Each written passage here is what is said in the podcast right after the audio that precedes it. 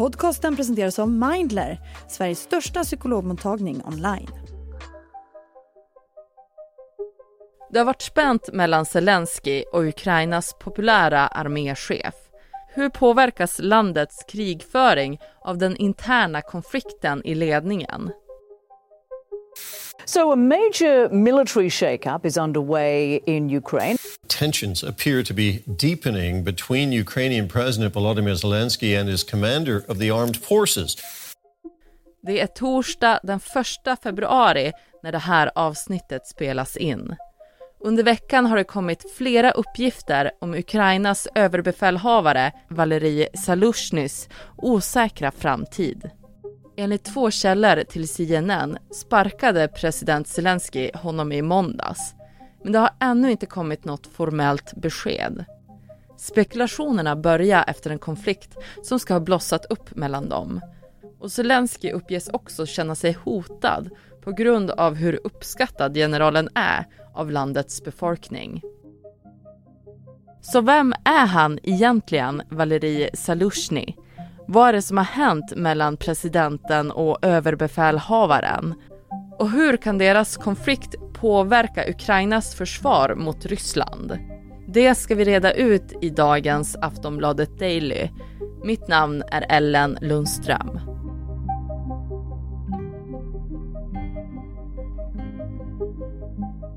Och jag har med mig Aftonbladets reporter Niklas Wendt. Vad har den här konflikten för betydelse, Niklas? Ja, det här skulle ju vara den största förändringen i det liksom, ukrainska militära ledarskapet sedan kriget började, om han fick sparken. Och det kommer ju en ganska svår tid också för Ukraina, där stödet från EU och USA eh, är allt mer osäkert. Ryssland producerar mer vapen och verkar ha en förmåga att rekrytera personal. De eh, går på offensiven igen i, i eh, sydöstra delen av landet och Ukraina har, man har svårt att se hur de konkret ska kunna eh, gå på offensiven igen under hela det här året egentligen och möjligen 2025 att de kan bygga upp en tillräcklig offensiv kapacitet. Så det är ett väldigt kritiskt läge som det här händer i också.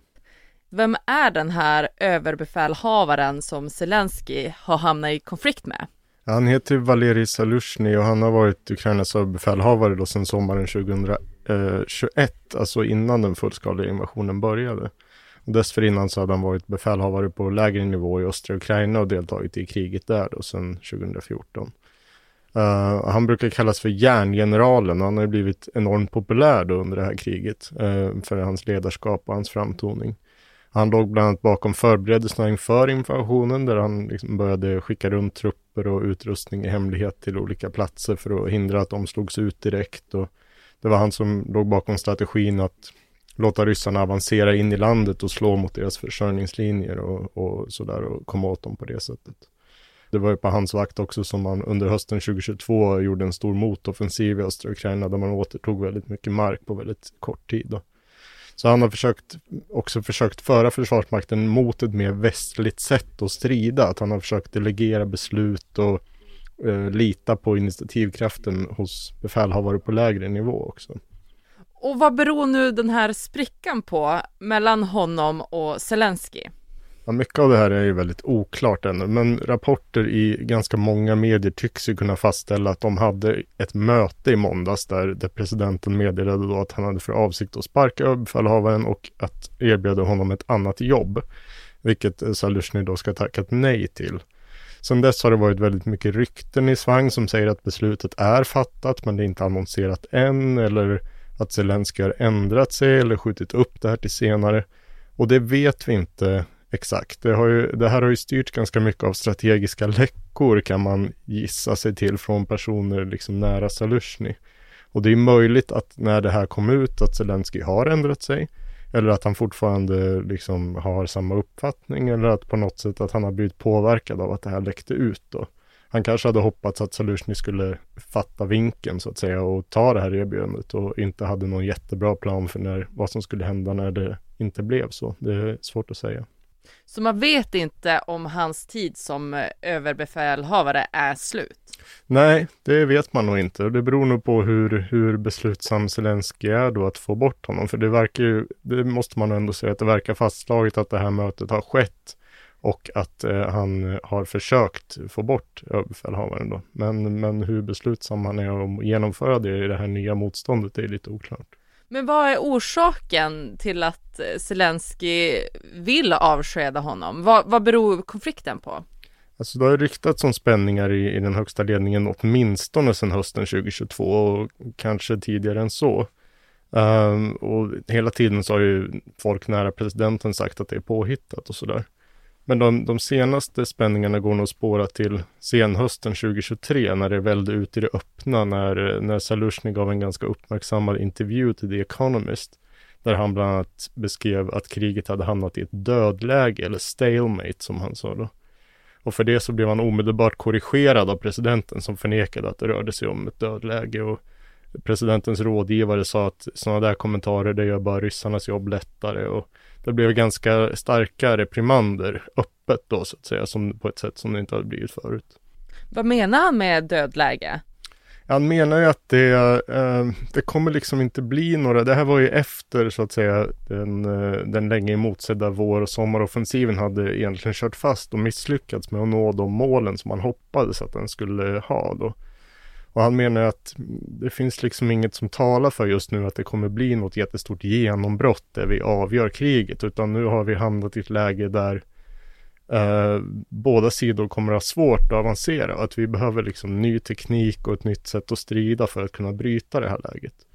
Men, och det, det är väl en viss eh, handlar väl till viss del om hur man kommunicerar runt det där. Han, han bedömde uppenbarligen att det är viktigt att säga som det är att försöka liksom eh, ta ner förväntningarna och sånt där. Medan Zelensky har ju såklart ett intresse av att eh, upprätthålla på något sätt entusiasmen för det här kriget. Jag gissar att han bedömer att eh, man i eh, västländer, i befolkningen och bland politiker och sånt där kommer tänka att Jaha, är det dödläge? Ja, men då, det är väl inte så mycket vi kan göra. Nu, nu struntar vi i att hjälpa till här eller liksom att entusiasmen falnar på något sätt.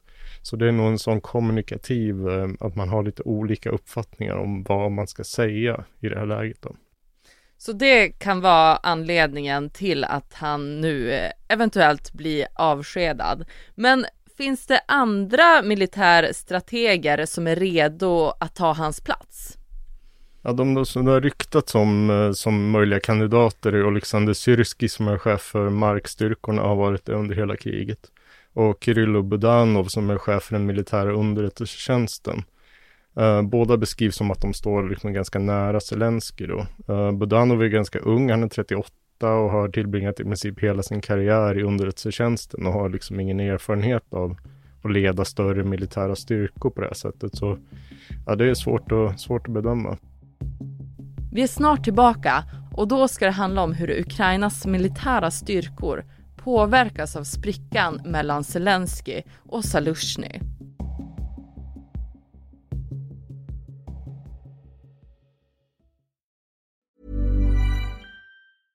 Flexibility is great. That's why there's yoga. Flexibility for your insurance coverage is great too. That's why there's United Healthcare Insurance Plans. Underwritten by Golden Rule Insurance Company, United Healthcare Insurance Plans offer flexible, budget friendly coverage for medical, vision, dental, and more. One of these plans may be right for you if you're, say, between jobs, coming off your parents' plan, turning a side hustle into a full hustle, or even missed open enrollment. Want more flexibility? Find out more about United Healthcare Insurance Plans at uh1.com.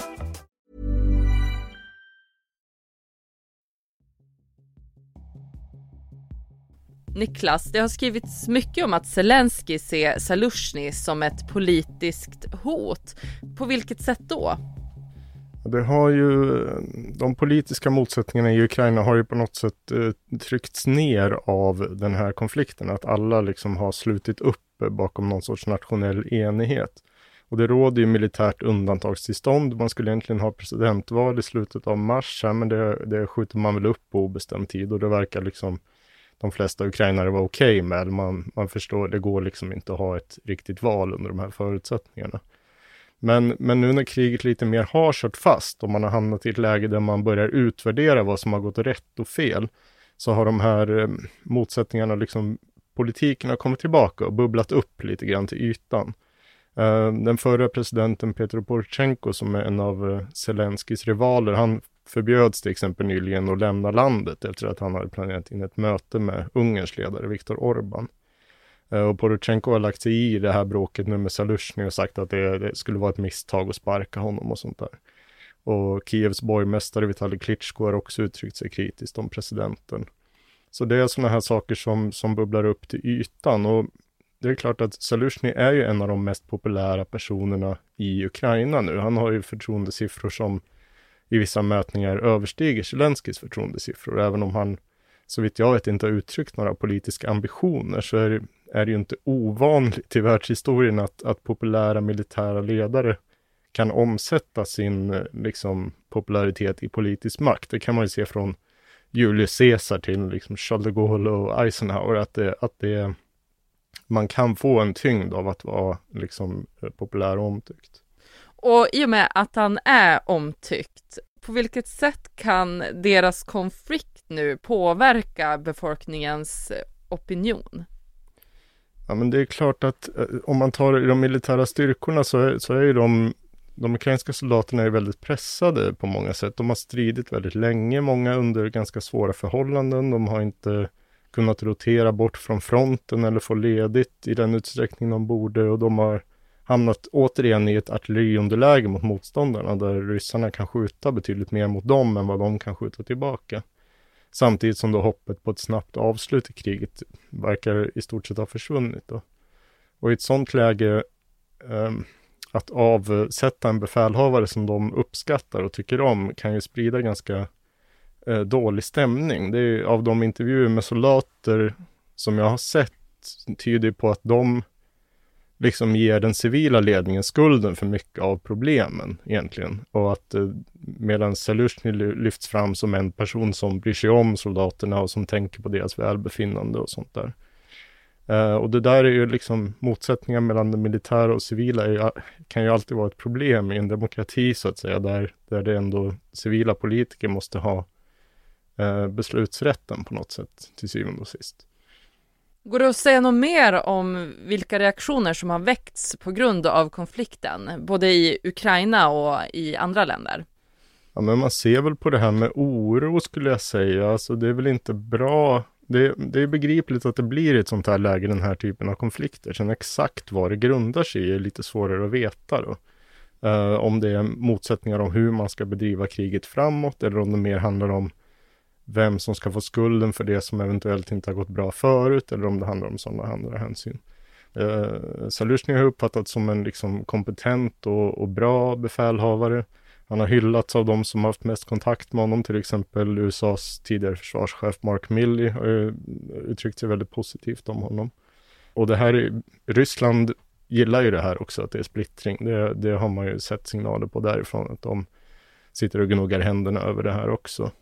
Så att det är, och det är svårt att veta vilken hand de har i det här. De har ju också såklart ett intresse av att, att splittra Ukraina så att säga och förstärka olika rykten eller eh, späda på motsättningar på olika sätt. Hur kan Ukrainas avancemang påverkas av det här? Inte överdrivet mycket skulle jag säga eftersom utvecklingen i huvudsak styrs just nu mer av fysiska materiella förutsättningar. Alltså hur mycket ammunition har man? Hur mycket soldater har man? Eh, och fronten är ganska låst och nedgrävd. Så det är, det är svårt att se att liksom en ny militär hjärna skulle kunna komma in och, och låsa upp det här så att säga. Däremot så kan man ju ha olika uppfattningar om hur man ska bedriva kriget framåt. Alltså ska man satsa mer på specialoperationer? Hur lång utbildningstid ska man ha? Hur många soldater måste man kalla in och vilka mål ska man välja för sina långräckviddiga vapen? Allt sånt där kan ju en, en överbefälhavare ha väldigt stort inflytande på, på ett sätt som ja, kan vara krigsavgörande, men på längre sikt. Det är liksom inte på, det kommer inte bli någon stor förändring omedelbart. Det säger Aftonbladets reporter Niklas Wendt. Och det var allt för dagens Aftonbladet Daily med mig, Ellen Lundström. För mer nyheter om kriget mellan Ryssland och Ukraina, gå in på vår hemsida aftonbladet.se. Vi hörs snart igen.